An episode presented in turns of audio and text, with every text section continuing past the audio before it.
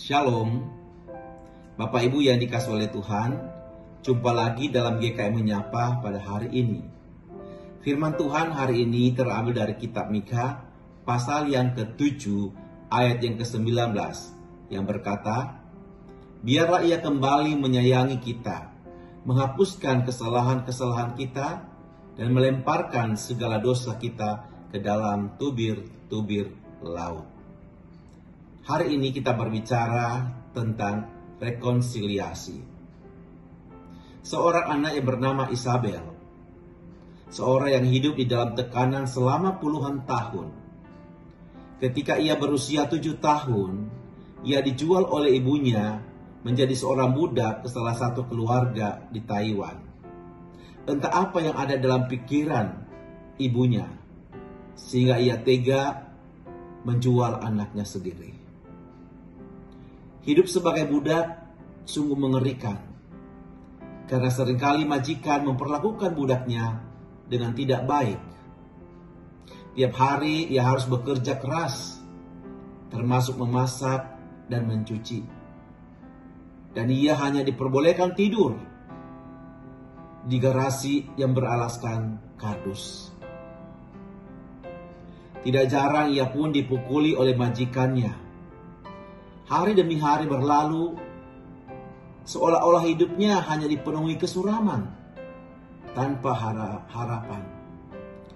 Selama di sana, selama ia menjadi budak, ia sering merasa sedih. Sebagai seorang remaja, ia ingin menikmati indahnya masa remaja sebagaimana remaja lainnya. Di malam hari, ia sering merindukan ibunya dan berharap bisa bertemu dengan ibunya. Namun tidak tahu bagaimana caranya. Tak terbersit sedikit pun kebencian di hati Isabel kepada ibunya. Maka ia berusaha mencari cara bagaimana bisa keluar dari kehidupan yang mencekam itu. Tekad yang kuat memunculkan keberanian Isabel untuk melarikan diri. Akhirnya, ia pun berhasil melarikan diri dan hidup merdeka setelah 20 tahun sebagai budak. Lalu kisah Isabel ini diberitakan oleh media ternama CNN dan menjadi perhatian publik. Satu hari dia diundang di dalam sebuah wawancara Lalu dalam wawancara itu ia menyampaikan niatnya untuk bertemu dengan ibunya. Dia berkata, Ibu, aku menyayangimu. Aku hanya ingin bertemu denganmu.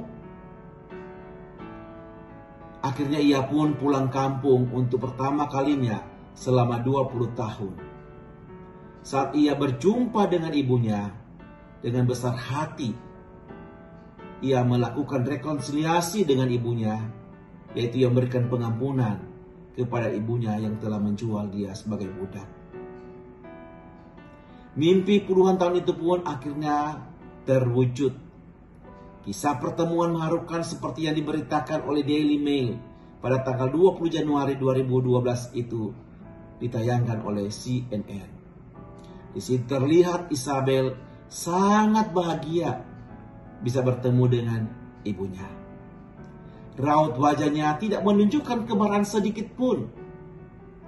Dia telah mengampuni ibunya. Dan sang ibu pun juga terlihat bahagia.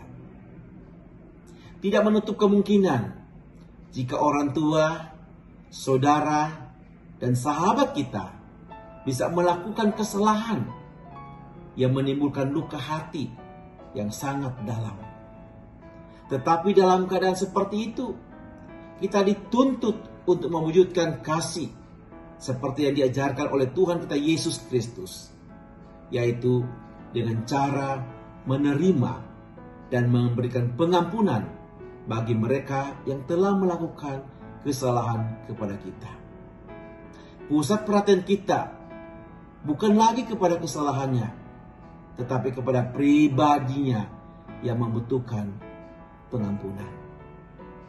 Tuhan pun sudah melakukan itu. Ia terlebih dahulu melakukan hal itu kepada kita. Di mana Tuhan telah mengampuni kita dan membuang kesalahan kita ke tubir laut. Seperti yang sudah dikatakan oleh kitab Mika yang sudah kita baca tadi. Perlu diingat, saudaraku, bahwa Tuhan sanggup mengubah kesuraman akibat kesalahan orang lain kepada kita menjadi sesuatu yang baik. Syaratnya kita mau mengampuni orang tersebut dan tetap bersyukur atas keadaan itu. Jadi lebih beruntung kalau kita melakukan rekonsiliasi, kalau kita memberikan pengampunan daripada memusatkan perhatian kepada kesalahan orang lain dan memendam ya dendam. Mari kita belajar meneladani juga dari Yusuf. Bagaimana saudara-saudaranya memperlakukan dia. Namun dia berkata, memang kamu telah mereka-rekakan yang jahat terhadap aku. Tetapi Allah telah mereka-rekakannya untuk kebaikan. Bagaimanakah dengan kita hari ini? Masihkah ada luka-luka di dalam hati kita karena kesalahan orang lain? Mari kita meneladani Yesus Kristus yang terlebih dahulu memberikan pengampunan bagi orang yang telah membencinya, bagi orang yang telah membunuhnya. Sebagai anak Tuhan, mari kita melakukan rekonsiliasi dengan orang-orang yang pernah melukai hati kita. Karena itu yang Tuhan inginkan. Sehingga kita memiliki damai sejahtera menjalani kehidupan ini. Sehingga kita ada hati yang penuh syukur dan sukacita menjalani kehidupan ini. Tuhan Yesus memberkati kita semua. Amin. Mari kita berdoa. Bapa kami yang di surga, Bapa yang baik, kami sungguh mengucap syukur Tuhan.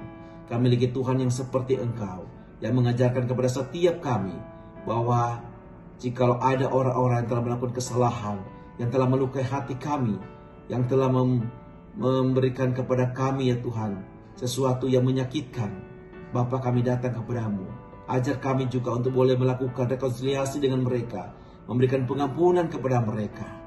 Bapa, tolonglah kami ya Tuhan kami sadar kami manusia yang lemah, kami tidak mampu dengan kekuatan kami sendiri untuk melakukan itu. Oleh sebab itu kami mohon pertolongan Tuhan. Berikan kami kekuatan kesanggupan untuk mampu melangkah, untuk mampu bisa datang kepada mereka-mereka yang telah melukai, yang telah memberikan hati ini terluka. Agar kami juga Tuhan sanggup memberikan pengampunan bagi setiap mereka. Terima kasih Tuhan. Di dalam nama Yesus kami berdoa.